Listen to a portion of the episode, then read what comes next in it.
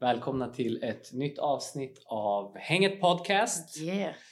Welcome. Vi har Jem Yildirim med oss idag. Hjärtligt välkommen. Tack så mycket. Happy to have you here. Alltså det tog en timme för oss att få igång. Vi skulle köra tre mickar idag, okej? Ja. Någonting med vårt ljudkort eh, som inte klarade det.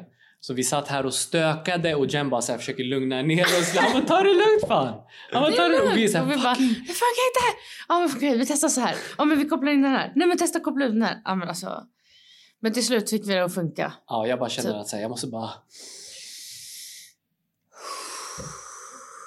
Mm, ska vi börja med tre djupa andetag? Varför ja, så inte? kan alla andas med oss.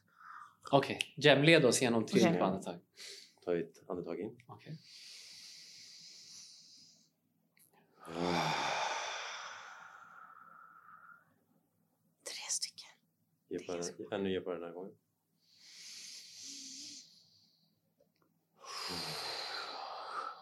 Och det djupaste andetaget du har tagit idag.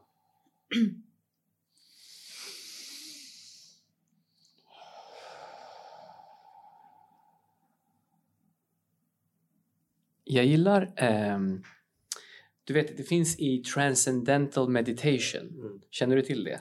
Jag har gått eh, kursen. Är det så? Okej, jag har inte gjort det. Jag vet inte jättemycket om det, men som jag har förstått det så är det väldigt viktigt att man hittar typ sitt eget läte. Alltså typ någonting som man gör typ när man andas ut eller så. Alltså typ naturligt. En känsla Mm. som känns bra för dig att kunna få ut ett ljud. Mm, jag, jag skulle, jag tänker? skulle nog säga att det där är beroende lite på vad stunden erbjuder. Mhm. Så ibland har du ljud som är ah, andra så jo det är sant. det, är liksom, det varierar. Eh, men eh, Transcendental Meditation är egentligen baserat på mantra. Mhm. Så du får ett mantra av din, din lärare då, när, Mm. du, när du stiger in där. Han gör lite ritual med blommor och lite allt möjligt. Eh, så får man det här mantrat som man då ska bara upprepa Okej. konstant egentligen. Det kan vara såhär, azamana, någonting som man... Precis, det finns en hel lista på internet. Eh, Okej. egentligen, så, Ah. egentligen så är det så här secret. Vadå, så man får liksom så här, jag Man skrev vara under initiated. någonting- Ja, men jag skrev under någonting så att jag får inte lära ut det här. Eh, Okej. Så Oh. det, ja, jag vet inte hur. De vill ju ha in pengar också. Till organisationen för att kunna sprida, sprida det här. Jag vet inte om det är liksom goodwill eller om det är... Ja men du vet, det är, det är lite som Fight Club. Du vet. Det är liksom, du måste vara in the club, you cannot talk about the club too much. Eh, jag, jag, jag blev också bjuden till någonting sånt och jag upplevde också att det var lite grann... Men alltså jag tror att det är alla followings har vissa sektliknande metoder på olika sätt. För Ja. att typ så här skydda eh, konceptet och vare sig det är Mhm. religion eller så. så jag, alltså, det är inte nödvändigtvis negativt. Alltså, Mm. it is what you make of it. Eh, Exakt. Och i slutändan, det är så här, om du devote yourself. Någonting jag har fattat är att varje gång jag har kommit in i en ny scen, om man säger så. Mm. Till exempel när jag flyttade till Berlin, jag var så åh, Berlin! finns inga nackdelar, det är bara fördelar. Den här staden är helt amazing, Mm. jag ska aldrig flytta härifrån. Efter Mhm. ett tag så började jag fatta att så okej shit, det finns nackdelar med Berlin Mm. också. Det är Mhm. samma sak varje gång jag har hamnat i en ny scen eller ett nytt community så har jag varit så här helt mindblowing i början. Mm. Efter ett tag så har jag insett bara, "Åh, fast det där är inte riktigt bra, det där är inte riktigt bra. Mm. Och Jag tror att om man inte har det här kritiska tänket Mm. och hamnar i någonting som kan vara i en form av sekt så kan man nog hamna ganska illa ute. Definitivt och det kan ta lång tid innan man fattar Att det- var man är och Exakt. vad det är som pågår liksom. Exakt. Nu Eh, hoppade vi ganska rakt in i allting. ja, Så vi men det är bra, ska... vi behövde ta ett djupt andetag. Det Vi blev jag och lite Tina så har nu. fett lacka. Ja, vi var fett fick- irriterade. Ja, 100 procent. Så, men, så nu hoppade vi rakt in, men så du kan berätta lite om vem du är. Så folket vet. Och Du berättar om Berlin och liksom hur hamnade du Exakt, vi där ska och hela jumpa in i grejen. Berlin. 100%. Du måste explain, Alltså, you know, who are är, you? det är väl en ständig fråga. Eh, man, jag tror att man reinvent uh, oneself konstant hela tiden, varje dag. Eh, men det jag kan prata om är... jag gillar frågan, inte vad jobbar du med, utan vad gör du på fritiden? Vad gör Mm. du när du inte behöver tjäna pengar i princip? Så jag är en person som gillar musik, håller på med elektronisk musik, producerar ganska mycket. Uh, DJ lite här och där, inte så super in i det. Jag har flyttat till Berlin för att plugga musik efter att jag bara fattade att eh, livet är mer än att bara jobba eh, Mm. och jag började ifrågasätta karriär. Ehm, utöver det så gillar jag meditation, gillar tantra, gillar yoga, um, gillar health in general. Uh, Jag skulle säga ändå att du är Mm. ganska exper- experimentell grabb. Ja. 100 procent. Eller hur? Ja, ja, ja. Spirituell. Eh, Vi lärde känna varandra. Jem, hur gammal är du idag? Kanske ska berätta. Jag är 32, 32 år gammal. Eh, Betyder det att du är 91? 90? Jag är 90. 90, okej. Okay. när fyller du 33? 33. 33. 32. 33. Åh, du är på den åldern, förstår du? Du är där! Oh my god. 33. Man vet inte vad man är, 33. förstår du? Det är därför han säger fel också. Han bara 33. Någonting. 33. Var var någonstans där? Eh, nej men 33 i år. Um, Ja. Och det är också en väldigt... eh, jag vet inte, det, var en, det var en vän till mig som började prata om siffran 3 förra året. Mhm. Eh, och bara så ah, det är någonting med siffran 3, det är någonting med siffran 3. Mm. Och nu när jag har gått in i mitt 33 år så bara så här. Okej, det är mycket, många saker som är... Det är mycket med den där tre, trean som, eh, Ja, som är spännande. Okej. Men det är väl någonting som händer. Man växer upp på riktigt när man blir 30. Mm. Ja, alltså hel, mellan 20 och 30 tror jag att man bara så här. Det handlar bara om att så här, prova grejer. Anta inte att du ska fatta någonting av livet. Det är bara så här. Det är, var för mig ett sätt att fatta vad är det jag inte tycker om i livet. Ja men prova det där, prova det där, prova det där. Som du säger, experimentella. Ja. Prova, prova alla de här sakerna. Okej, men det där gillar jag inte. Nej, det där gillar jag inte. inte liksom börja exkludera, saker och ting. Mhm. För That's where I am. vi- ja, men Right exakt. now. Och så bara ut och bara testa saker och ting och så bara Ja. nej men det där gillar jag inte. Då vet du mer vad du kommer vilja ha sen i Ja. slutet. Ja, för man har ju ändå så här ett någorlunda vuxet sinne så att man kan veta var man vill gå, vad man vill testa Mm. och samtidigt har man fortfarande barnasinne med sig Mm. så att man kan uppleva det eh, för vad, det, alltså för vad man tycker att det är för stunden innan man börjar leta efter fel och problem Ja, och ser verkligheten 100%. för, eller hur? Exakt. Så exakt. att det är en viktig ålder att bara så här, äh, testa saker, speciellt om man är explorer type of person och man vill, man vill Mm. veta mer om sig själv och sin verklighet och sådana saker. Det är 100% en period av att så här, experimentera och se. Alltså så här, jag vet inte riktigt. Typ, men nu pratar jag utifrån mig själv. Man testar, alltså nu, jag har inte jobbat på jättemånga olika jobb. Men jag har ganska fort insett vad jag inte har gillat av det jag gjort hittills. Jaha, Och- berätta då. N- nej, då kommer jag få problem. Säg inte att du inte gillat restaurang. Nej, inte restaurang. jag Restaurang lärde dig att bli en vuxen kvinna, du städar, du lagar mat. Ja, det finns, jag har hittat vilka områden som jag inte kommer i alla fall ägna resten av mitt liv med. Till exempel alltså säljare är någonting som aldrig har varit en grej för mig. Mm.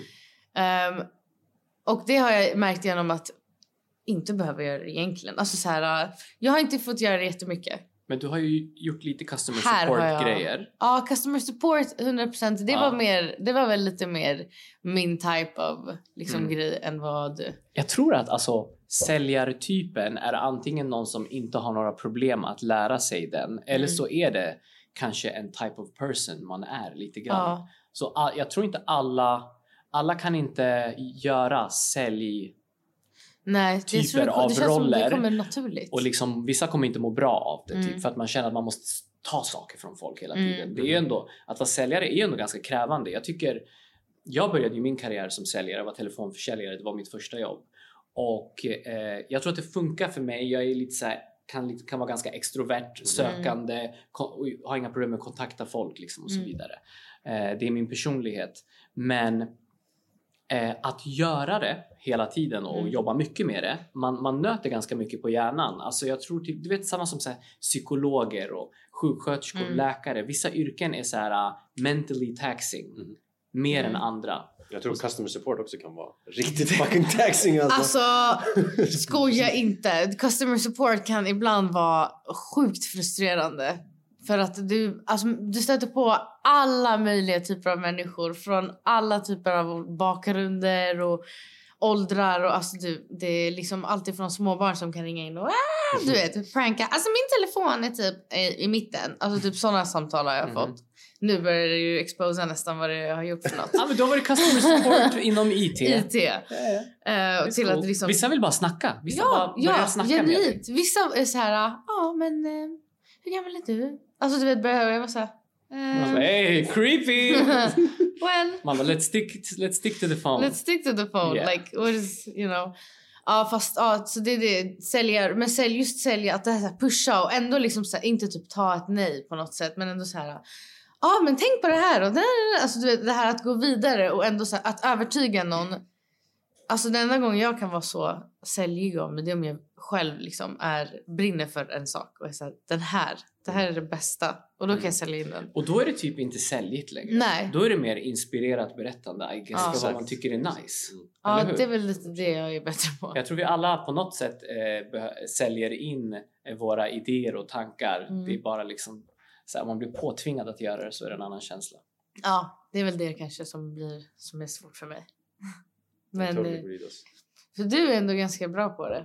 På, att prata och sälj. Och, Ja, den alltså, men men du har du- också jobbat med det fett mycket. Ja. Alltså hur många år Ja, men du vet vad? Grejen är så här. När man är en person som vill eh, skapa idéer, alltså göra verklighet av idéer, Mm. då måste man sälja in dem för sig själv, för Mm. andra. Man måste hela tiden testa vattnet. You know? Man måste se så här, okej, men är det här någonting som, som man måste vara ganska säljig? Ja, men Det det, också, det kommer också Men med det är, inte, passion. det är inte favoritgrej, absolut inte. Jag, vill, jag gillar att fokusera på idéer och utveckla idéer. Jag tycker det är det som är nice. Mm. Men eh, verkligheten av det kapitalistiska systemet och den ekonomiska... Alltså förstår du, man måste Ja. kunna sälja in sina idéer. Det Ja. går inte att bara vara inspirerad och njuta i dem bara så. Man måste liksom kunna... Man måste få ut dem. Yeah, they have to make money. Mm. Men det är lite av en person, personlighetsgrej. Alltså. Men du, du Ja. går fram och pratar med alla. Så det, är så här, det, är, det är så det funkar. Ja, du, är- du är du väldigt... har ju eh, en säljig person, Ja, personlighet. alltså... Säljig personlighet. God damn. I hope that's charming. Is that charming? I don't know. I don't know. Man, I Nej, men du är, du är framåt. du är mer extrovert. Du är trevlig, du pratar med folk. Jag är Yeah. så här... Mm, hej, ja. det är jag. Men du har nice roller. Men du, jag tycker du pratar med kunderna här bak bra. Ja, du men har det, är börjat komma in det börjar, jag blir mer avslappnad. Yeah. Jag tror att när jag blir mer avslappnad så kan det här Yeah. pratet komma. Men jag är också rädd för att det finns en... När jag steppar över gränsen i att så här, antingen så pratar jag inte eller så pratar jag för mycket.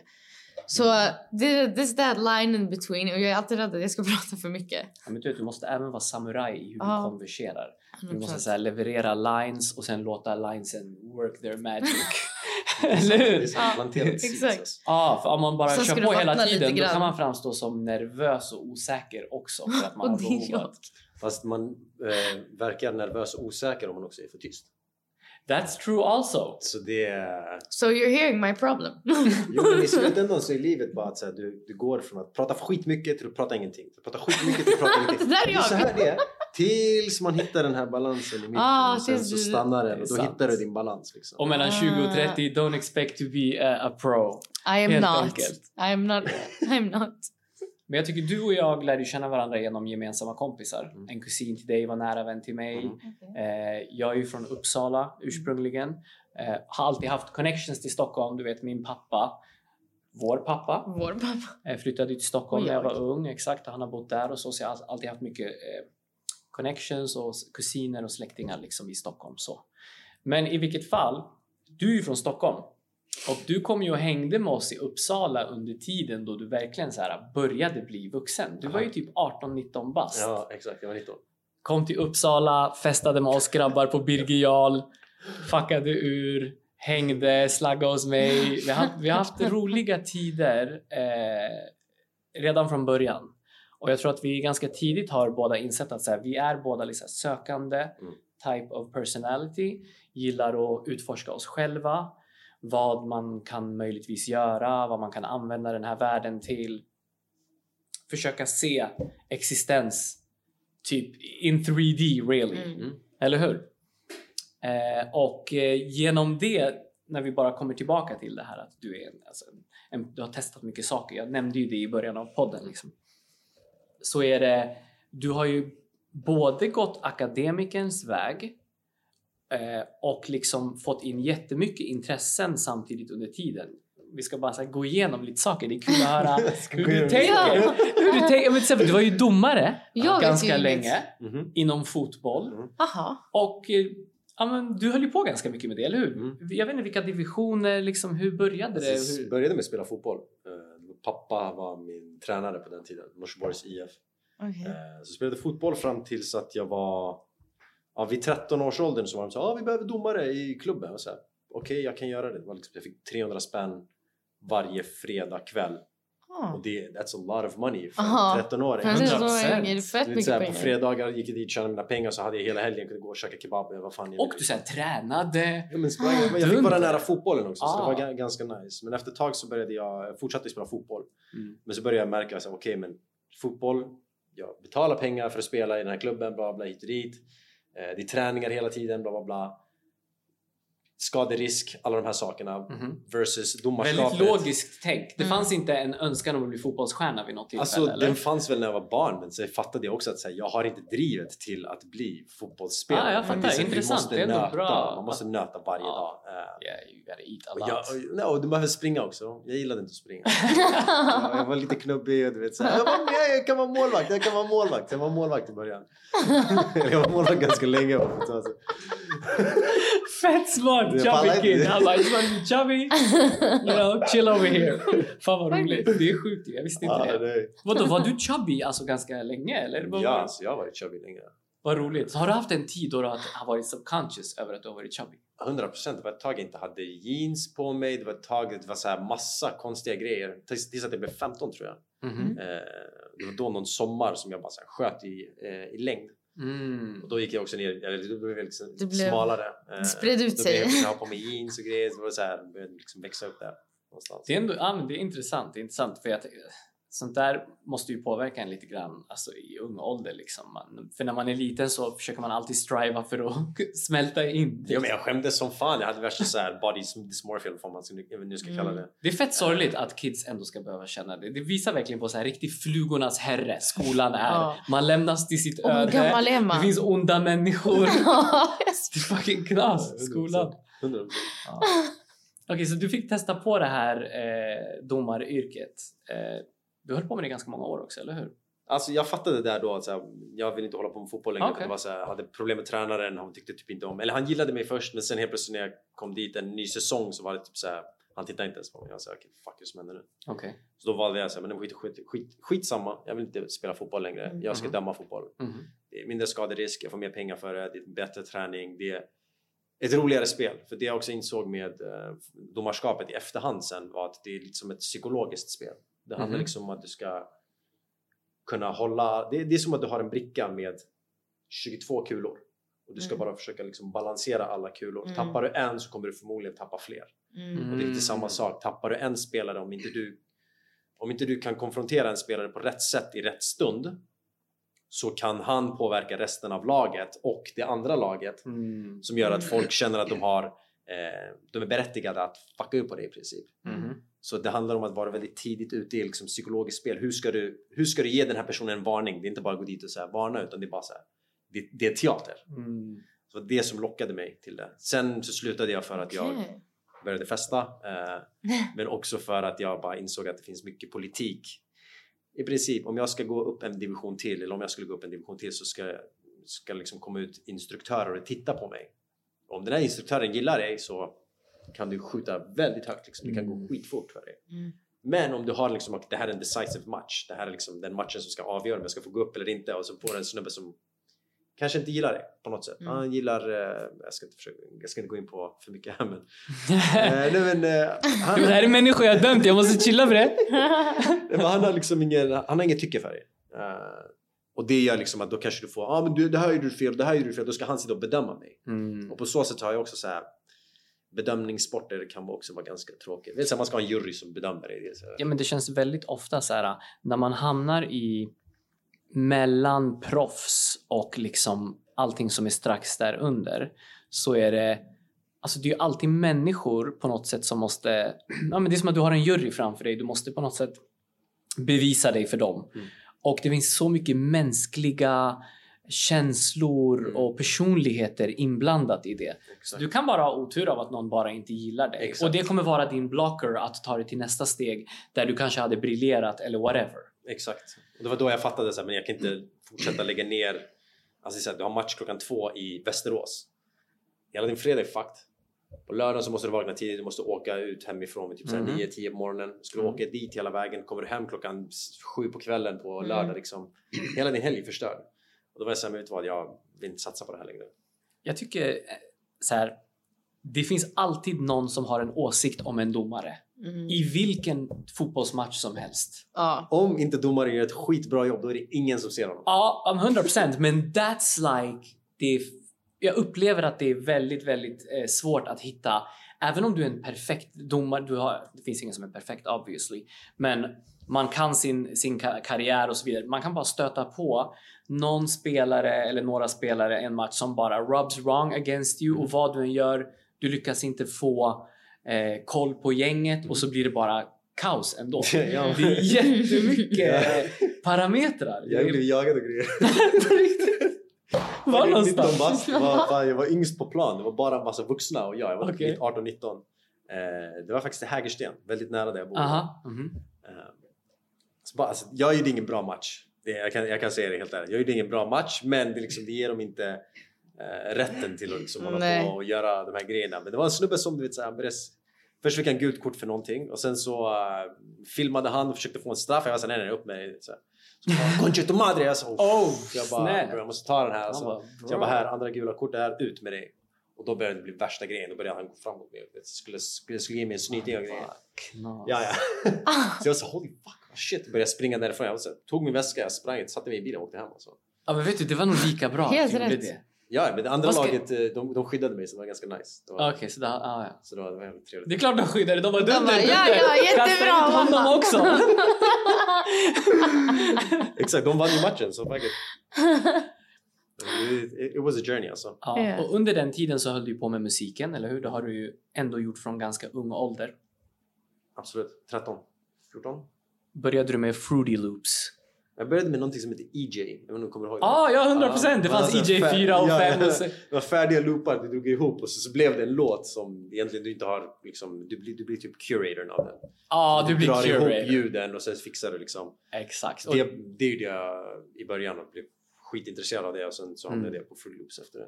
En sak som var, eh, förlåt jag bara hoppade in här, men EJ, alltså jag kommer ihåg, man var så fucking stolt över Men sig alltså, ni själv. måste berätta, ni måste förklara det. låtarna. Och det var inte ens, alltså vet du, tänk dig att du har ett bibliotek. Okej. It's a set number of effects. Egentligen är det ganska Ja, men det är bra. så här, du, har så här, du har trummor, du har Hi-hats piano, och du har liksom... Nej, nej, allting är färdigt. Alltså. Aha. Så det är Och bara en guzz som bara sjunger yay! Du lägger in det på Ja, rätt tillfälle. Ja men du har en grid, eller Ja, hur? Och du har alla de här produkterna. Produkterna?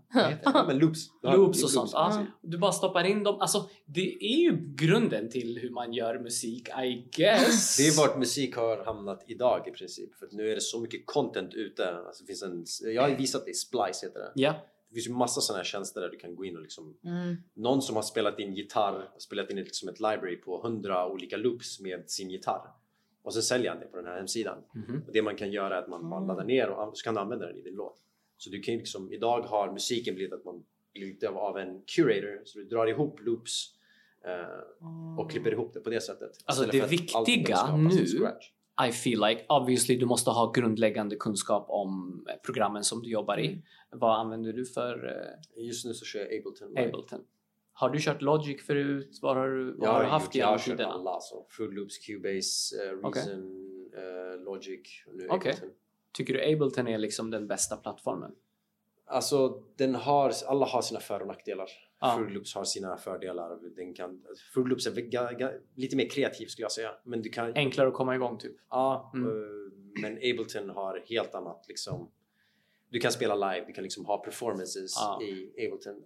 Det kan du inte riktigt ha i Logic, jag vet inte hur det ser ut idag men eh, i de andra plattformarna så är det mer så här liksom, du har en, en storyline så ska du göra en låt. Mm. Här har du också en annan view där du kan liksom spela loops, ta bort loops och bla bla bla.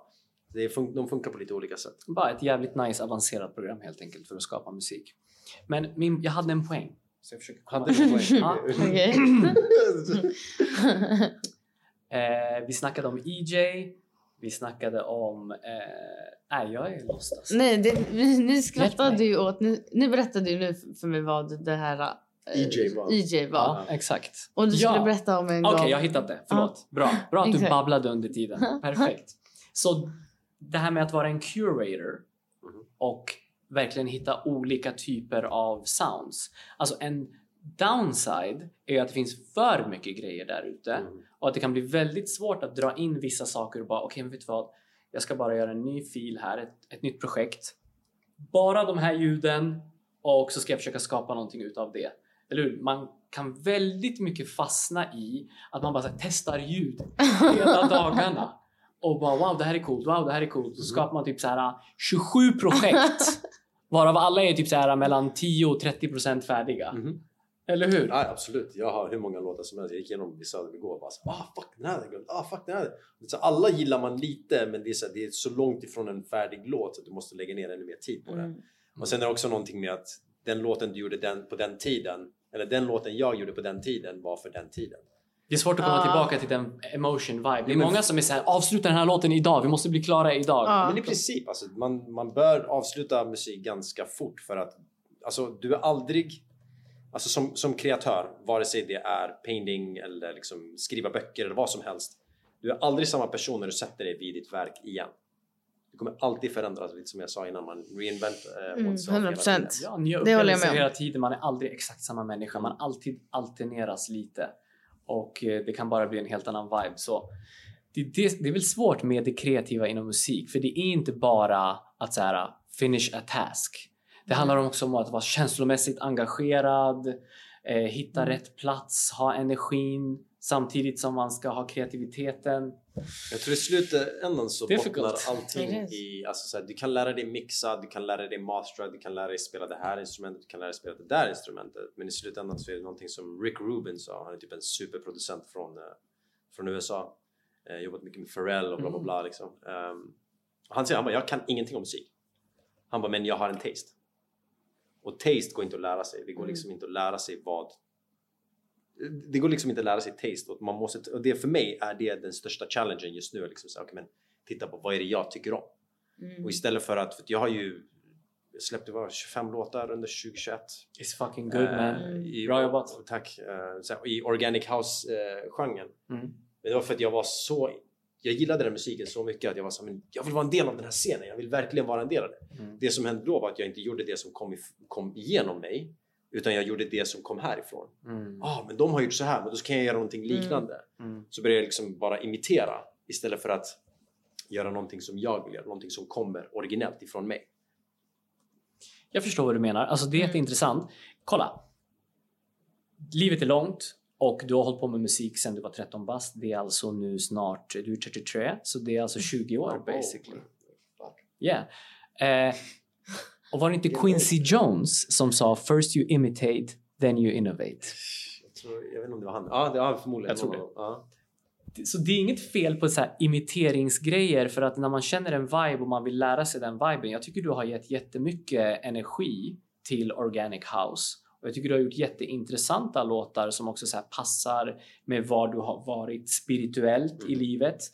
Typ, jag kommer att du, du har gjort en låt som är med eh, eh, Sadhguru, Sadhguru som pratar. Mm. Han bara “If people think you will be bad if you...” Och ja. Han säger någonting. Han säger basically att om du inte om du visar en positiv aura som är härlig så kommer folk finna dig en fin, härlig, glad person som ger dem en god energi. Eller han säger det på ett enkelt. Men jag tyckte det var coolt hur du eh, mixed and mashed those two. I really like that song. Mm, Vad heter den? Auras. Auras förmodligen. Ja. Eller hur? Mm. You see this guy, he just makes songs and leaves them.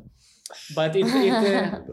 Alltså, by the time you release a song så fucking hatar du den låten alltså. vet, du har gått igenom det så många gånger. Alltså, man sitter och lyssnar sönder den, du sitter och mixar sönder den. Det är bara så här, till slut så blir man bara så här, så jag vill inte höra den här mer. Ja. Och sen också att så här, den låten som jag skickade in för kanske ett och ett halvt år sedan kommer ut nu. Så Mm. det tar ju också tid för, ehm, för de här eh, labelsen att skapa remixes eller höra av sig till artister som ska göra re- remixes på dina låtar. Och sen ska de mixas och mastras och bla, bla, så de tar ju tid. Och sen, alltså, sen har ju de sitt schema på vilka låtar de ska släppa när. Mm. Så det tar ju alltid tid. Eh, Så det som kommer ut idag är inte det som jag skapade förra veckan utan det är det som jag skapade förra året i princip. Mm, det är intressant och då hinner jättemycket saker hända också obviously. Exakt. När du började din musikresa genom EJ till Fruity Loops. Vad var det för slags musik som du lekte med då? Då höll jag väldigt mycket på med R&B och melodier och chord progressions och det är väl lite det som står väldigt nära mitt hjärta, liksom melodier överlag. Mm. Det var lite det som var liksom märkliga att komma till Berlin. Där var det så här. Alltså, Techno. mycket techno. Älskar techno, älskar... Det, det lärde mig ganska mycket om rytmer och hur, eh, hur relationen mellan ljud eh, kan skapa en, en vibe. Eh, Jag håller med om det. Ja. Jag gillar inte den- techno. Nej, jag gillar Men inte. genom så pass enkla ljudinput som Ja. möjligt lyckas du skapa en vibe. Eh, det krävs lite skills för det I guess. Alltså att hitta vad som låter bra till varandra I guess. ja, inte bara det utan bara, det är också så här relationen mellan dem i tid. Ja. Så liksom har du... Mm. Det är en ganska robotic Ja. Groove. Men om du börjar leka med distansen jo. den så får du den här... Technokänsla. Nej men då får du helt plötsligt den här rytmen. Mm. Mm. Så det är lite en av de största problemen med liksom elektronisk musik i början är att många inte riktigt förstår att man ska leka med den här, det här, de här elementen. Jaha, okej nu hänger För annars så blir det tss, tss. Det blir liksom exakt samma hela tiden. Ah. Och det blir jävligt tråkigt att det lyssna flowar på. inte på något Exakt. sätt. Det Men om du har liksom en groove som är Mm. lite svängig mm. Genom låten gärna Ja. också här och där. Exakt. Så blir det helt plötsligt en, en nice, alltså då skapar det en vibe och det är lite det Mm. jag gillar med Mm. techno. Men techno är också väldigt långt ifrån eh, alltså chord progressions och liksom melodier på det sättet. Så det är, det är väldigt mycket mer fokus på eh, att skapa den här viben och den här rytmen. Eh, det är en cirkulär musik brukar man kalla det. Ja. Okej, cool. Så du börjar med R&B.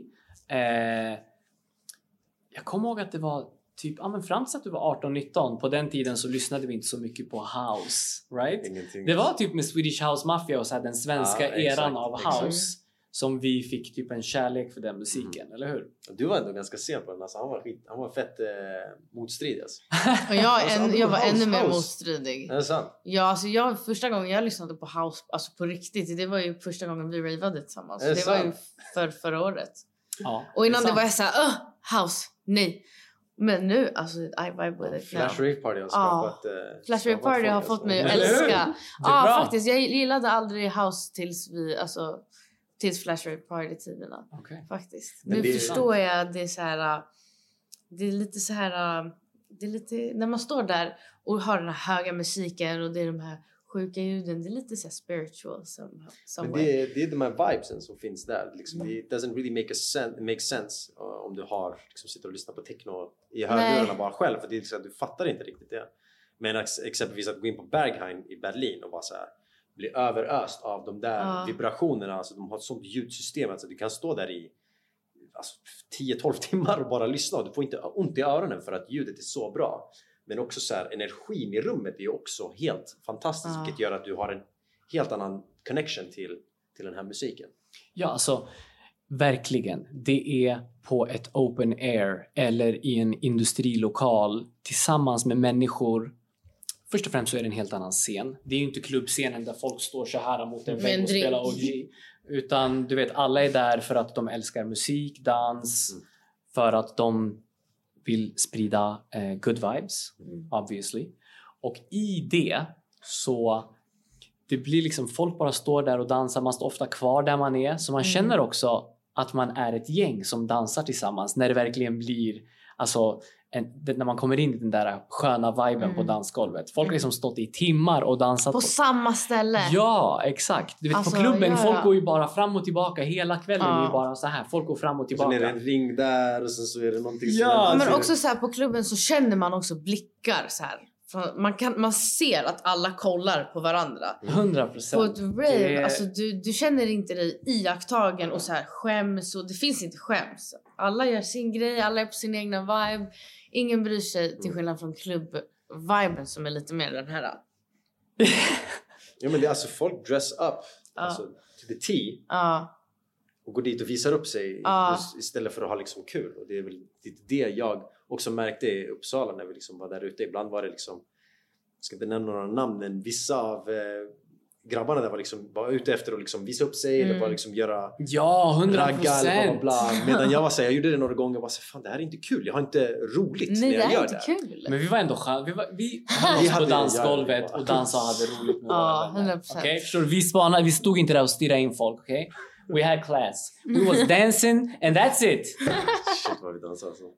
Ja, men det är det som är definitivt. kul. Varför Det är det det handlar ut? om. Att man ska gå ut och roa sig själv och, Och ha lyssna kul. på musik och dansa. Ja, sen det är klart om folk vill ragga på varandra och så vidare. Men typ i ett rave kan det ändå ske mer genuint. Att man ska gå Ja. fram och bara hej, jag, jag gillar din energi, hur mår du? Alltså, Ja, det är mer så. Annars är det såhär sugar, vilken snygg klänning du har. Man bara, ja, hej tack. kan du låta mig ut vara? vattnet ur min mun.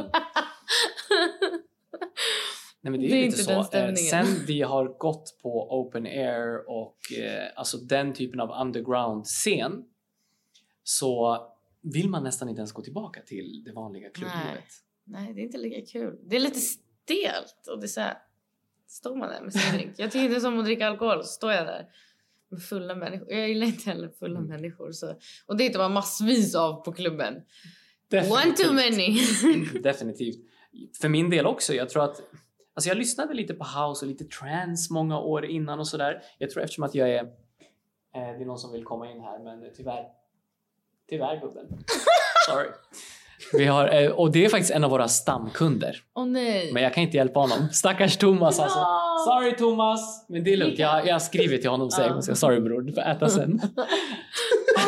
Stackars. No comment på den. alltså. Vi var tvungna att stänga ner här mellan 14 och 16 och eh, eftersom att vi har haft tekniska problem så verkar det som att kunderna börjar bli hungriga. Ja. It is what it is. Ja. Eh, men ja, i alla fall. Det är verkligen så här på det dansgolvet där och då, alltså på ett rave eller något, någon festival. Det är verkligen då man fattar Mm. hela grejen kring house. Liksom. Mm. 100%. För i vardagen, precis som du säger, då kan det bli lite för mycket. Jag vill typ ibland lyssna på jazz, bara softa eller något chill. Liksom, okej Mm. om jag gymmar eller jag ska springa eller någonting, då är det skitnice med sån musik. Alltså, jag, jag tror väldigt mycket det handlar... Alltså, en tjejkompis till mig. Eh, jag spelade... Det var, något sätt på, på Soundcloud som jag gick igenom. Så, "Pff, den här låten, ja, du måste lyssna på den här låten. Spelade den och så sa men nej det här är för hetsigt för mig. Det här är för hetsigt. jag bara, okej vet du vad? Jag var här.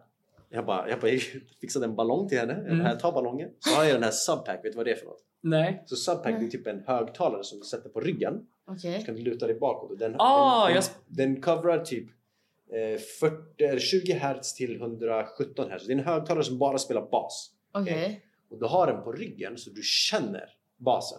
Du hör inte på Oh. den, du känner den. Så det är som att vara inne i en klubb. Så jag sa okej, blunda, här har du ballongen, lyssna på den här, kör. Så tar ballongen bara. Så kommer hon bara okej jag fattar, jag fattar allt nu! Alltså, exakt, exakt alltså. Man fattar inte annars, man fattar inte annars. Det, man gör inte det. Man måste vara i rätt setting. Sätt en setting. Ja, det handlar om setting 100%. Alltså det är inte så att jag liksom så tar en trevlig promenad liksom ut i skogen och lyssnar på ba, ba, ba, liksom house i öronen. Nej, det är inte riktigt den känslan. Eller när man ligger och solar på stranden. Det handlar liksom om det handlar liksom om time and place. Yeah, Så. Så jag tror inte att någon inte kan gilla housemusik eller musik som har högre tempo. För att vadå, det är ju så, typ så här som om vår ursprungsbefolkning, de första befolkningarna, de stod och trummade och dansade Ja. på nätterna. Alltså, techno är en ursprungsbydans. Ja, men det, det är cirkulär musik alltså. It, Ja. It's creating a vibe. Det är bara liksom så här, 100%. det är väldigt tribal techno. Det är tribal, ja exakt. Ja. Och det, du kan bara tap into that in a tribal setting Mm. om du ska få ut det mesta utav det. Mm. På tal om det, du är ju faktiskt bjuden till ett, eh, en underground-fest nu i helgen Mm. och du ska spela. Yes, jag spelar på den här festen som heter Diskett. Det är en vän till mig som eh, tillsammans med ett annat, med sitt gäng då, eh, drar ihop den här festen. Så de har, det här är sjätte eller sjunde gången de drar igång nu. Fett nice.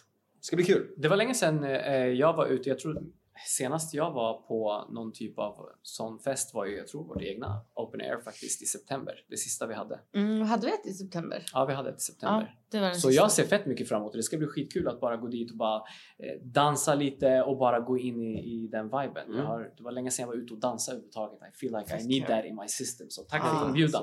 Tack för alltså. Vi är ju några eh, av kompisarna som ska sticka, eller hur? Mm. Det är du, jag och så är det en av dina vänner. Mhm. Jag ska ta med tjejen tänkte jag. Mhm. It's gonna be a good vibe. Det kommer bli kul. Eh, jag Hur ska- känner du inför att DJa? För jag vet att du, Mm. du har ju alltid varit mer producent än DJ. Mhm. Men du har DJat och du är duktig på det. I mean, I've heard you myself. Men du känner olika känslor kring det, har jag upplevt. Jag har nu eh, börjat fatta lite mer om vad det är jag tycker om. Nu är det helt plötsligt som att jag förstår vad det är som, som gets me excited. Mm. Eh, och det gör att jag har liksom hoppat över till att istället för att göra så snabb musik, jag har mycket gjort 120 bpm, 100, 122 liksom, jag har varit ganska mycket i vanliga house-svängen. Mhm. Nu har jag börjat fatta att så här, det som för att när jag har lyssnat på mina låtar så har jag bara såhär Oh shit, den här låten, okej men vad är det för BPM? Ja men det är runt 110 Så Mm. okej, den här då? Oh shit, den här gillar jag verkligen Mm. Och Rick Rubin sa en annan grej att så här, Bra musik ska få dig att skratta Det behöver inte vara roligt men det ska få dig att skratta för Mm. att det är så fucking bra Mm. Och de gångerna jag har liksom lyssnat på mina egna låtar som är i, den här, eh, i det här tempot så har jag bara såhär Ah fuck, fan vad grym jag är, shit! Mm. Verkligen börjat hitta den här grejen igen Kan du ge oss 110 BPM? Nej bror, jag kan inte Vad ungefär, det är typ, Alltså... Ja men det är typ där någonstans. Ja. eller hur? Ja. Jag kommer ihåg att du kom hem till mig en gång eh, när jag bodde borta vid eh, i Solna. Eh, och sen jag skulle typ fixa i ordning med eller någonting. Eh, DJ var uppkopplat. Mhm. Och så kom du och lirade massa av mina låtar på typ 112 BPM Mhm. som går på 122 Ja, 125. exakt. eh, och det var fett rolig, härlig, trippy, långs. Alltså det var en cool vibe.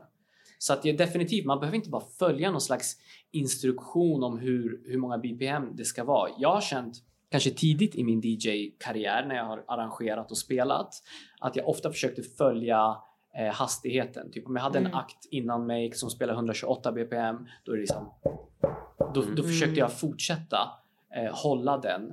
Men det är liksom absolut inte nödvändigt känner jag i efterhand. Jag kan dra ner publiken ibland till en långsammare och vi kan bara fila tillsammans. Mm. Och sen kan jag slänga in för att jag så här, sakta men säkert bygger upp till någonting som Mm. avslutas i något stenhårt. Så att man måste eh, flowa i det också. Det är abs- Mm. jag, tycker, jag välkomnar det. Jag tycker det är jätteintressant. Kul. Man får, man får nog möta rädslan av att vara lite annorlunda eh, och inte göra det som är förväntat. Och det är väl lite det som är grejen. Ingen kommer komma ihåg ditt sätt om du bara gör det alla andra gör. Mm. Folk kommer komma ihåg ditt sätt om du gör skeva saker. Ja. Sen om de skeva sakerna är bra eller dåliga, det spelar Mm. liksom, det, är, det är upp till den personen att bestämma. Men när du börjar göra saker och ting som du tycker är kul jag ska prata om mig. När jag, när jag börjar göra saker och ting som jag tycker är kul, då börjar jag också märka hur andra människor eh, catchar min vibe. Mm. Och säger att Exakt. shit den här snubben har kul, Mm. okej, I can fuck with that. Mm. Istället för att bara säga, ah, men den här snubben verkar bara göra det som alla andra gör och då, är det så här, då finns det heller inte den här connectionen. Ja, jag. Jag tycker att det alltid har snackats om att så här, ah, men du är DJ, du dyker upp på en klubb. Det har ofta varit den settingen som man talar om. Då brukar man säga two for you, one for me. Men basically det handlar om att säga okej, spela så att publiken är glad. Men eh, se till att du hela tiden får in dig själv också här och där. Mm. Jag känner nu att jag tycker inte ens, alltså no offense audience, okej? Men jag tycker att det mest intressanta är en DJ som verkligen bara gör sin grej. Mm. Så att man får bjudas in i vad den personen försöker göra. Snarare än att säga "Ah, play that, play this. Mm. Typ ibland, det händer ju alltså även på open air så händer det Mm. någon gång då och då att folk ber om en låt. Och då är jag alltid så här. ah, Skicka mig låten. Om jag gillar den så spelar jag den till dig på nästa event. Mm. Alltså det är nästan så det måste vara. Det är ändå ganska fett bra politiskt svar alltså. ja, jag, kan, jag har inte den nu men du får skicka den till mig så kan jag... Ja, och det var en snubbe som skickade Ja. en av låtarna. Jag diggade den och jag hade definitivt spelat den Okej. eh, på något event. Mm. Så att det, är, det, är, det är superviktigt. Jag tror inte man förstår. Du försöker DJa till dig själv så att du ska vilja festa och ha roligt också. Ja. Det är jätteviktigt. Mhm.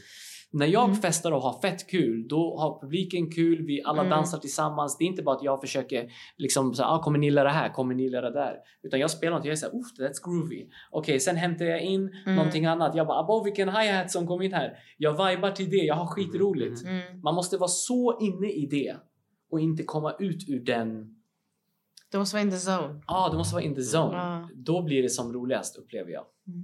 Absolut, men jag tror också det handlar om att du som, som DJ är man där för att skapa en vibe. Så Mm. man har ju sin egen idé om vad man vill skapa för, Mm. för tillställning.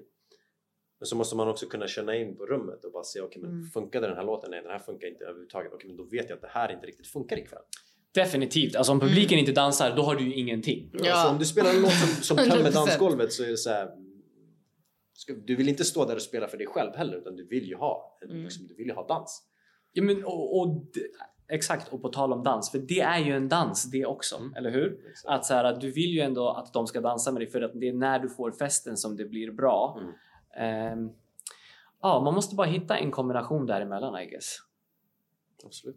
Så inför eventet nu på lördag, finns det, nå- kan du dela med dig lite av några tankar, känslor? Har du övat någonting? Har du någonting Alltså, jag har ju fattat att så jag visste inte vad jag skulle spela, vad för typ av musik jag skulle spela Mm. innan jag men så frågade jag på alltså, men vad kommer ni spela? Han sa, men vet du vad, spela det du tycker om. Så här, Okej. Eh, och senast jag hade eh, en spelning, det var någon gång i november eller oktober kanske det var.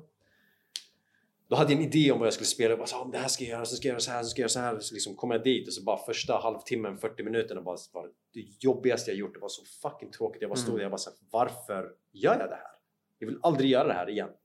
Eh, för att jag hade kommit in med en idé om vad jag ville göra snarare än att bara säga men vad gör mig glad att spela? Mm. Och det är väl lite det jag har fattat nu att så här, jag vill göra det som gör mig glad, det som får mig att dansa. Och sen to be honest, jag måste ha kul. Om inte jag har kul eh, bakom, eh, alltså i DJ-båset, då kommer inte någon annan heller ha kul. För det värsta jag vet är att stå, se DJ som bara står där och bara Ja, bara göra ett jobb de liksom. bara liksom, nej, bara spelar musik och det här, har ingen kontakt med publiken, har liksom ingen, är inte där för att dansa eller liksom uttrycka sig på det sättet. Ja, jag håller med. Jag också sådär. Mm. Då blir det liksom då, som, som audience då, jag, jag älskar, en av problemen till varför jag inte gillar att DJ är för att jag älskar att vara på dansgolvet. Mm. Jag älskar att dansa. Och det jag har sett är att när jag, har, när, när jag dansar till en DJ som inte rör på sig, då blir jag ganska så här. okej jag kan komma, så komma in i viben. Men sen finns det en annan snubbe, exempelvis en techno-DJ som heter Nihad Thule, han är från Norrtälje. Okej. Första gången jag såg honom var här i Solna, i en svart klubb. Alltså, jag har aldrig sett någon som är så galen bakom däcksen. Han var så här, överallt han var så här, helt inne. Och så här, jag bara oh my god, den här snubben är helt inne i det. Och det gjorde att jag blev supertaggad. Och det är hela Mm. grejen, att så här, men du måste smitta av dig. Mm. Det- Jätteintressant. Det, det tror jag. Mm. Mm. Ja, men kul. Vi ser fram emot det. Det kommer bli roligt.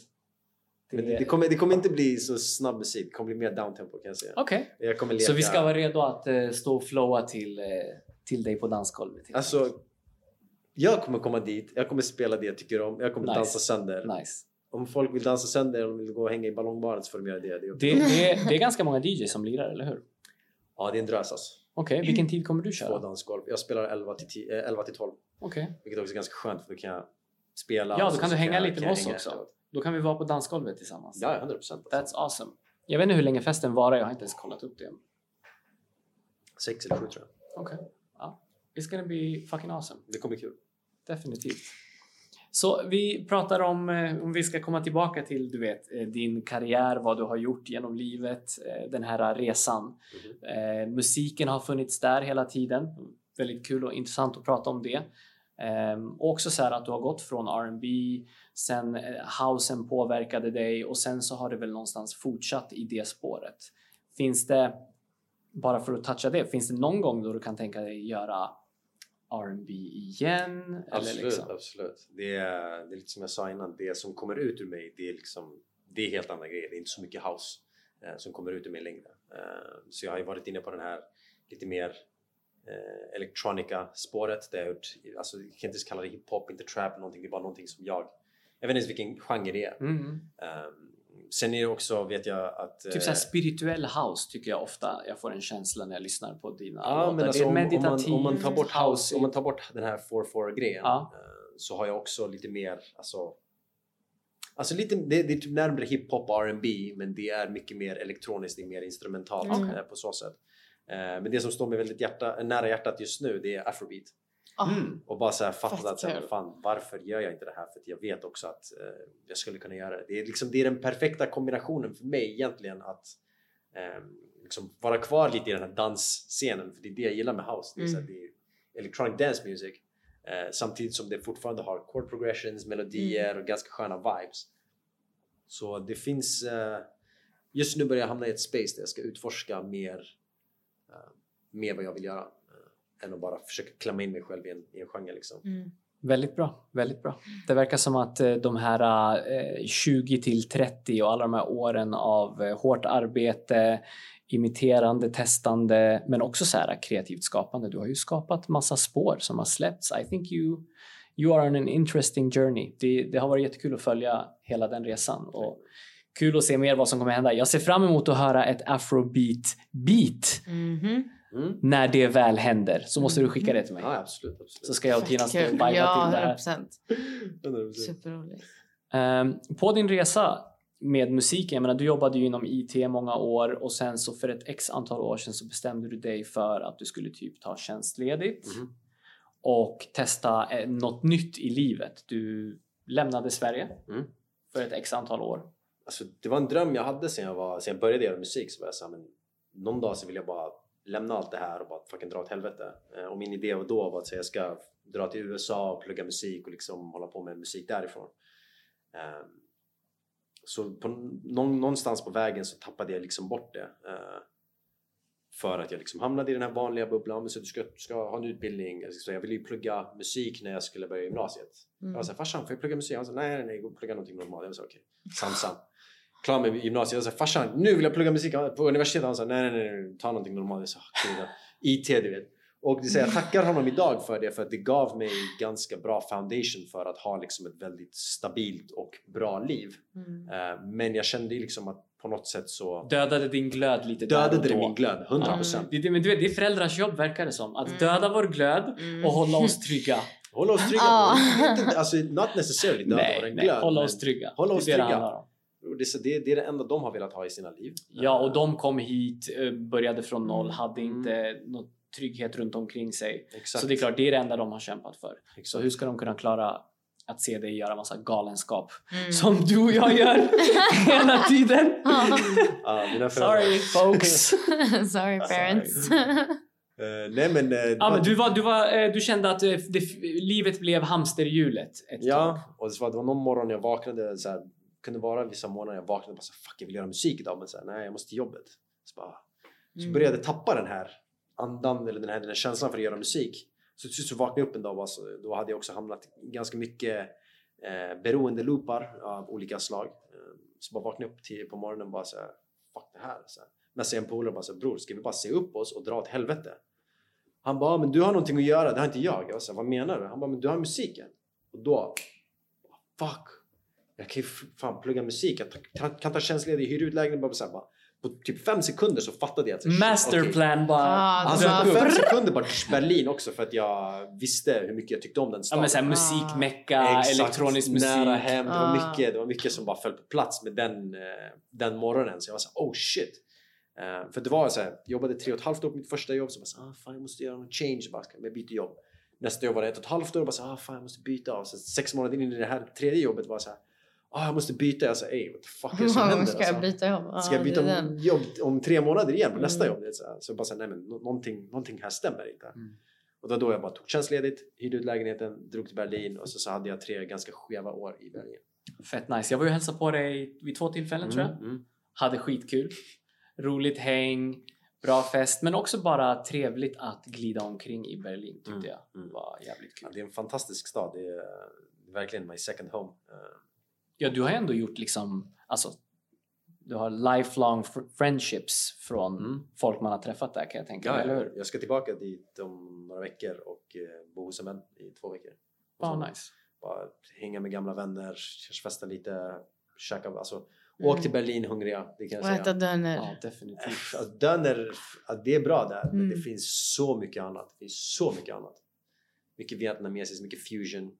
Mm. Ja, jag vill åka till Berlin. Jag har inte varit där Va, faktiskt. var det så här, stötte du på några intressanta eh, situationer i början när du flyttade till Tyskland? Alltså bara hela systemet där är helt så här. Vi klagar så fucking mycket på Sverige. Bara så, "Åh, det här funkar inte, vadå? Mitt bank-id, bla bla bla, vadå? Jag måste gå dit. Alltså där är det så här, du måste ta ett papper. Alltså när du flyttar in där och ska skriva in det. Du måste ta ett papper och du måste hitta en tid. Du måste boka in dig på en tid som är typ på andra sidan stan. Måste du åka dit och sitta med en person som fucking hatar dig för att du inte kan tyska.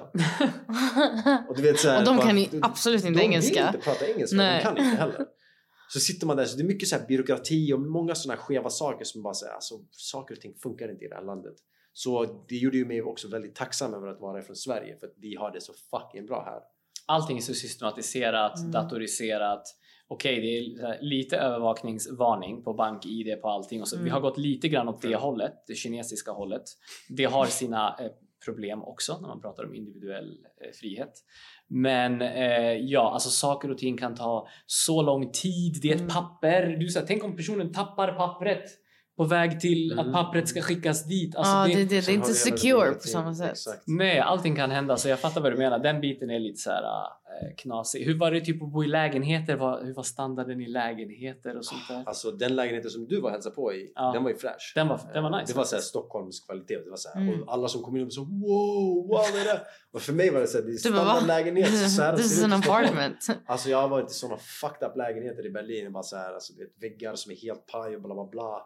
Så dessa standarder här i Sverige är helt galna jämfört med i Berlin. Och, och det gör också att man blir ganska humble för att man ser att folk strugglar som fan. Alltså, det är skitmånga människor som har extremt stora problem med allt möjligt. Ja, vad heter den här fattiga eh, stadsdelen? Eh, som är typ så deras eh, orten eller vad man ska säga. Folk brukar gå dit och dricka mycket drinkar och sånt där i Berlin. Överallt. Ja, men fan! vad heter, det fin- finns ett ställe som verkligen är känt för att det ska vara orten. Jag vet inte om du kommer... Obviously har jag glömt bort namnet nu. Alltså Neukölln tänker du på? Ja, exakt. Jag tror... Neukölln är, alltså allting är stan. Det är, grejen är att Berlin har så många sto, så stora distrikt. Så du har liksom Mm. Friedrichshain, du har Kreuzberg och så har du, har Neukölln. Mm. Eh, och så har du lite andra områden också. Men det brukar hoppa från att ena är trendigt. Då brukar alla hipsters och alla bla bla flytta dit. Och Ja, så blir visst är det så. Även om stället är trashigt så kan det vara fett inneställe. Ja, liksom. ja, 100 procent. Och liksom, när det blir trendigt så börjar priserna där gå upp. Och då blir det helt plötsligt ett annat ställe som blir inne för att det är billigare. Ah. Ja. Så Neukölln är ju väldigt inne just nu. Det har varit det de senaste åren för att det är väldigt billigt där. Mhm. Eh, och eh, det är fortfarande ganska trashigt liksom. Men eh, hela Berlin är ganska trashigt. Ja. That's why I love it. Ja, verkligen. Berlin är verkligen sig självt och inget annat. Det är liksom definitivt eh, en, en intressant plats på så Mm. sätt. Jag har, alltså så här, när man kommer ifrån, alltså att man bor i Sverige, man kan definitivt ibland bara titta på vissa spots och bara så what is this? Mm. För det är som du säger, man tycker att det är lite trashigt. Man har Mm. typ blivit snobbig här i Sverige med liksom att allting funkar, Mm. vare sig det är pipes eller vatten, el liksom i hemmet. Allting Ja. funkar bra. Men de gräver inte ens ner sina, sina rör där. De har ju rören över gatan så om det ska gå ett rör från den här gatan till den andra så har de ett rör som går över vägen. Det är liksom infrastruktur och sådana saker Det är sitter liksom inte plats. Men det jag kan säga om Berlin är att så här, alltså, eh, på 50-talet så var Berlin fucked.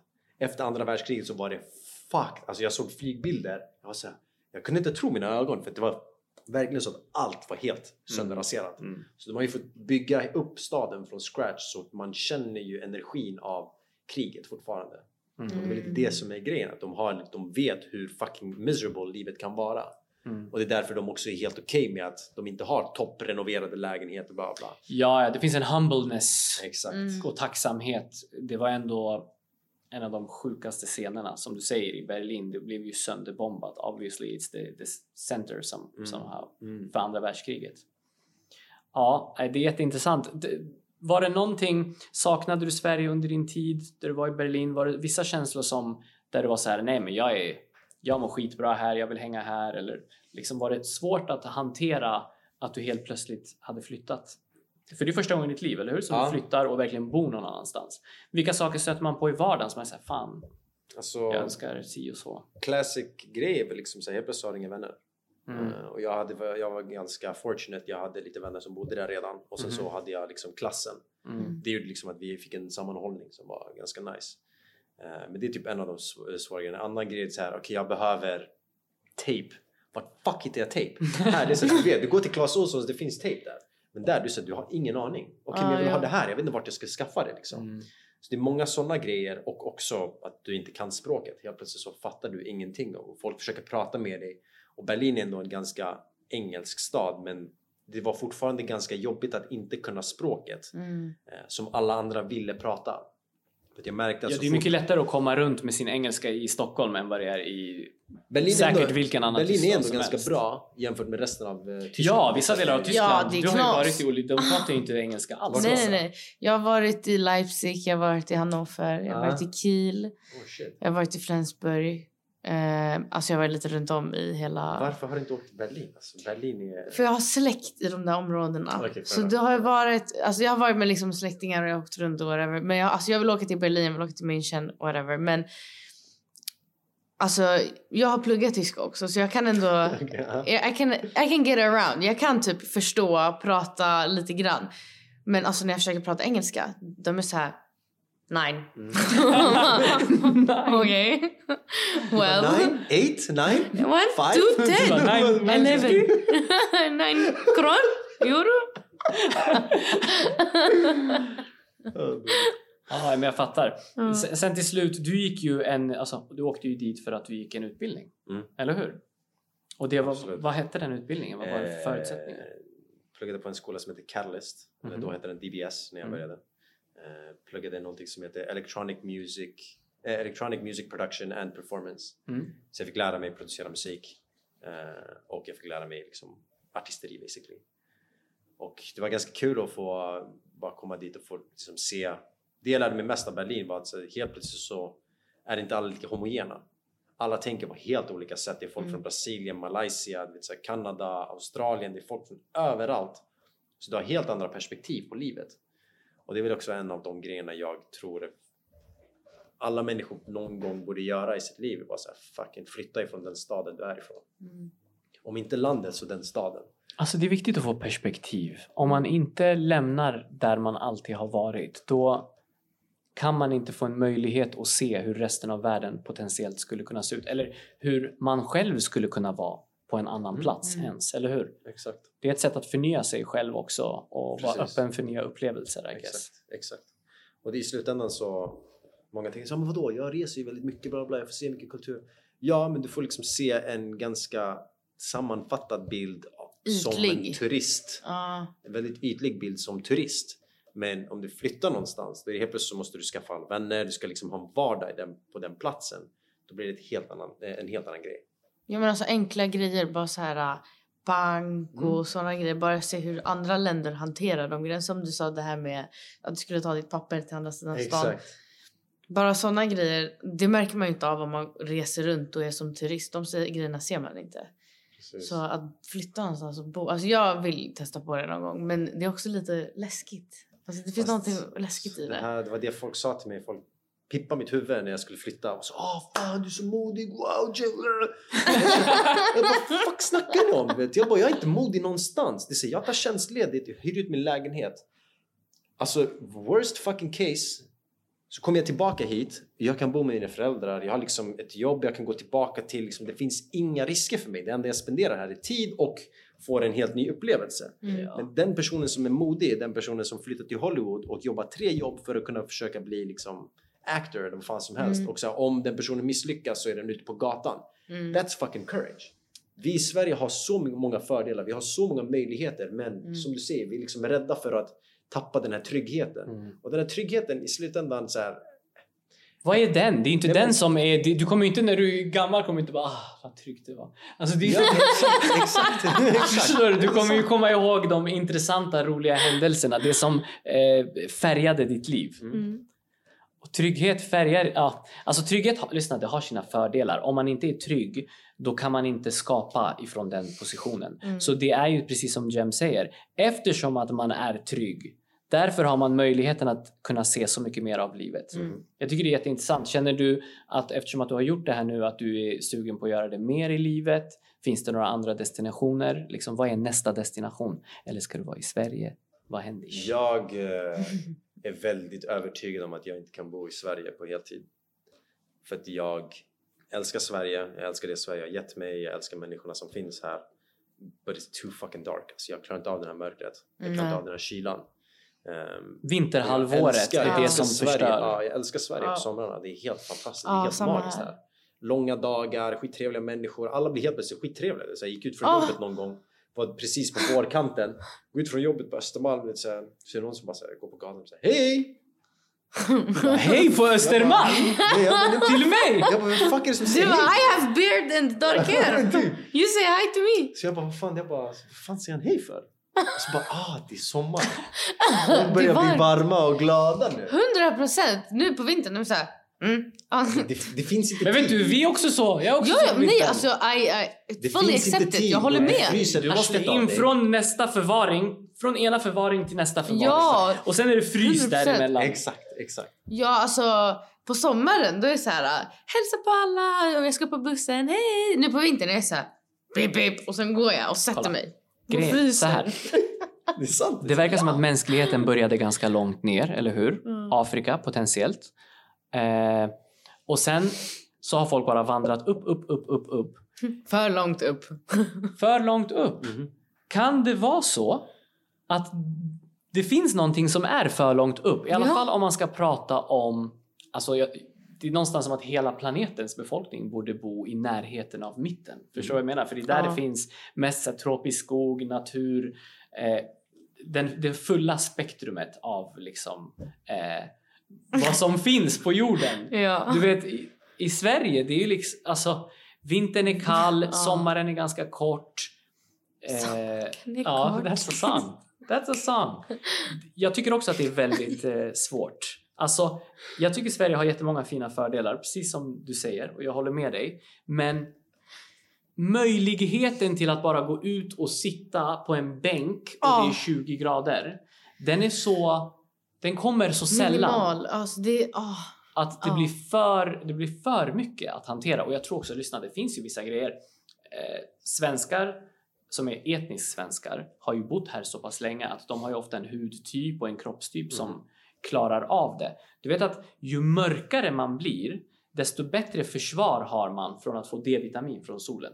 Det är därför till exempel svarta människor eh, har sämst immunförsvar norrut. Därför att deras hud är mörk Ja, ja, för att den ska klara av att reflektera bort sol och det, det, det är en Mm. hud som är anpassad för att få mycket sol. Mm. Men till exempel en vit person kan få fett mycket D-vitamin i molnighet. Ja.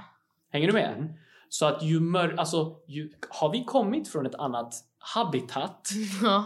Så är inte vi anpassade på en generation för ett Nej. helt annat ja. habitat. 100%. Så det är liksom, Jimmy Åkesson, du har rätt. Vi behöver dras. Don't say that too Åtminstone på vintrarna. Ah, lös det till oss så kommer vi vara mycket trevligare människor. Och vi kan tagga på vintern. Nej men alltså jag känner verkligen att så här, jag ser svenskar ute med liksom, alltså etniskt svenska med liksom sina jackor och de säger ah, fryser inte. Jag har liksom på mig dubbelbyxa, dubbeltröja, jacka, mm, vantar och jag står och alltså du vet jag klarar inte av det. Det kanske har någonting med det att göra Det är också. klart så här- att vadå, vadå? All, alla levande varelser anpassar sig alltså så här, evolutionärt Mm. efter platsen där de är. Och evolution är inte, förut trodde man att evolution skedde en miljon år och så lite evolution. Evolutionen är ju konstant Ja. och kontinuerlig och minimal. Ehm, så bara liksom våra barn kommer kanske vara mer anpassade Ja. till Sverige än vad vi är. Alltså, och så Ja. vidare och så vidare. Men eh, intressant att du tar upp det. Jag tycker också att det är en svårighet att man tänker att resten av ens liv så kommer man alltid bara ha någon månad av sommar. Mm. Jag tycker det är svårt att liksom acceptera den känslan. Jag tror också vi är menade att vara utomhus. Alltså, jag tror vi mår bäst av att vara utomhus. Ja, alla människor gör Men det, det. går inte att vara utomhus. Alltså från att det blir september nästan. Alltså redan från september är det nästan för kallt. Mm. Men lite efter september fram till typ mars. Du kan inte vara utomhus. Du kan gå en promenad. Efter 10 minuter går du in igen och det är kallt. Ska du dra den eller ska jag dra den? Dra den. Finns inga dåliga väder, bara dåliga kläder. Ja, Exakt så är det. Vad fan är det med dig? Ta på dig en till mössa. Ja men alltså fattar du? Så, och sen så, åh det är också det värsta jag vet. Man bara klär på sig lager efter lager efter lager så går man ut så här. Vad ska du göra ute? Och sen går du in Du i ett centrum för det finns ju inget som händer inne, ute. Förstår du? Och sen svettas du ihjäl Så istället. måste du ta av dig så går du och bär på dina kläder. Alltså du vet, du klär på dig så mycket kläder, det är inte så du kan gå ut och hitta på något. Du är så här. Alltså skulle man, finns det inte så här modern cityplanering? Du vet man har till exempel i Vällingby centrum. Mm, där där är har du så glastak utomhus. Men that's it. Men det borde finnas mer såna grejer. Mm. Fotbollsplan, glastak utomhus. Ja! Alltså förstår du? lite mer I ett mod- land som Sverige Ja, förstår du? Vi måste finnas. få ut folket, men det är för kallt. I don't know. Det kanske finns...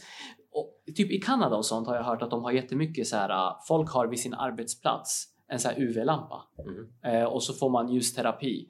Den, eh, jag vill ha just det. händer, det finns ju inte så mycket sånt här. Så det är mycket mörker, inte så mycket D-vitamin. Ta D-vitamin folket. Alltså, it. Jag har ju börjat med, du vet Hue-lamporna som du har också? Ja. Du vet de här Hue-lamporna? Ja. Det finns ju en Energize, har du sett den? Ja, absolut. jag den vaknar till den mannen. Alltså är det så här att den... Alltså eh, den blir, den blir så, alltså, det är så här blå, vit, det är så här äckligt ljus inte ha. Så. Absolut inte! sett det där. Antimys! Ja, det där är du vet exakt. såhär Mellanöstern Men- vardagsrum. Alla ska se allt! Exakt! Ja! Exakt, i hemlandet. De slår på lampan. Det är, Det är som blått. ett sjukhus. Mamma, Jag Vad- ska du gömma? Varje morgon. Ja, Jag vaknar varje morgon. Okej, det hjälper. 'Cause I gotta wake the fuck up alltså. Ja, 100%. Och sen så fort solen är uppe eh, så vallfärdar jag till solen. Och står där i 20 minuter. Jag lovar. Varje morgon Ja. gör jag det. Ja men vi är också så. Så fort det ser sol ute, vi tar med oss två stolar och sätter oss. I ute på gotta pee so gatan. bad, I'll be right back. Ja, vi gör det alltså. Du vet, ska vi pausa? Nej, kör. 100 procent. Ja, nej, vi, tar, vi har två stolar här bak som vi brukar ta och sätta oss, alltså mitt på trottoaren. Vi sätter oss och solar. Folk går förbi och typ skrattar och kollar och är så här, helt rätt. Men alltså det är så här, vi, vi är här från morgon till kväll. Jag kommer hit, solen är knappt uppe. Mm. Jag kommer hem, det är mörkt. Exakt. Någon gång måste jag, när jag jobbade på kundsupporten, då jobbade jag på kontor. Mm. Jag kunde börja så här äh, åtta på morgonen. Det är mörkt till åtta på Exakt, morgonen. Exakt. Så kommer. Sen kommer du hem, du slutar vid fem. Det är mörkt. Mm. Jag såg bara mörker under hela perioden jag jobbade där. När inte ens såg jag mörker från dag till natt. Alltså, eller natt till natt. Det var det jag såg. Det, det här kan pågå i månader också. Det här berättade jag för Ja. i Berlin. Folk blev helt chockade. Alltså, alltså, ibland, vissa månader, så ser du solen på ja, två månader. Ja, liksom. ja, alltså legit. Jag kommer ihåg... ehm, kommer du ihåg förra året, Rabin? När vi, vi var på väg hem från jobbet någon gång. Eh, När fan var det? Eller till jobbet, någonting sånt. Och vi bara... Är det där solen? Han bara-? Han bara... "Ja, jag tror att solen kom fram. Sen solen dök upp. Vi bara... Oh my god. Jag filmade. Jag minns att jag filmade. Jag bara oh my god solen är här. Fattar ni hur sjukt det är? Ja, Man har inte sett solen på två, tre månader. Nej, det är viktigt att få, få sol i ansiktet på morgonen. Det var du som snackade om det tidigt. Ja. Ja, jag gjorde det idag. Idag satt jag i 10 minuter Jag också. på balkongen så här. Bara Jag gjorde det. solen. Väntade eh, på bussen. ti- titta mot solen också. Ja, jag har hört det. Man behöver få ljus, alltså strålarna in i liksom systemet. Mm. Exakt. De säger att det är så här 500 epigenetic factors, någonting. Så här 500 olika inställningar slås på när du får sol. Som är Ja. liksom Direkt. till fördel för din kropp. S- Och så, ja, ibland får man inte dem. Mm. Då börjar saker gå fel, eh, humör, mood, men också 100%. immunförsvar. Det är massa saker som blir påverkade. Mm. Så att det, det är tråkigt. Man kan inte få allt helt enkelt. What to do. Men eh, vi som kommer ifrån, alltså våra föräldrar kom från någon annanstans, de hamnade här. Det är inte skrivet i sten vart vi kommer vara. För vi kommer liksom inte från någonstans. Förstår du vad jag menar? Vi, Mm. Våra föräldrar kom därifrån, vi hamnade här. Vi har säkert ofta, vi är säkert mer sökande i var vi tror att vi kan passa också, Mm. eller hur? Mm. Så det är därför jag liksom välkomnar. Du säger att det inte är modigt. Jag tycker ändå att det är modigt. Det är Mm. ganska vanligt att man fastnar där man hamnar. Och jag tycker det är jätteroligt att du fortsätter är sökande. Och när det gäller allt, jag menar, det finns mycket att prata om. Vi behöver eh, ganska snart eh, gå till avslut Mm. för den här podden. Det var en till person som ville köpa gryta så att vi, kan, vi kommer trasha vår business om vi Grabbarna, fortsätter. ut! Grabbarna Ja. Gryt in the building! Men just nu är vi grabbarna podd. Exakt. Eh, men either way. Det, det, jag är också jätteintresserad och skulle vilja ha en stund i mitt liv då jag kanske bodde någon annanstans, kände hur det var, se vad man är för typ av person i, i den världen. Så. Mm. Någonting, prova- någonting att testa. Också prova att prata ett annat språk. Så jag och det, man har olika personligheter i olika språk. Det är så det är. alltså. Mm. Jag gillar ju min Mm. engelska personlighet mer än jag gillar min svenska personlighet. Samma här. Samma här. I agree with that. I Mm. actually completely agree with that. Jag har tänkt på det. Ibland så kan det vara lättare att prata på engelska.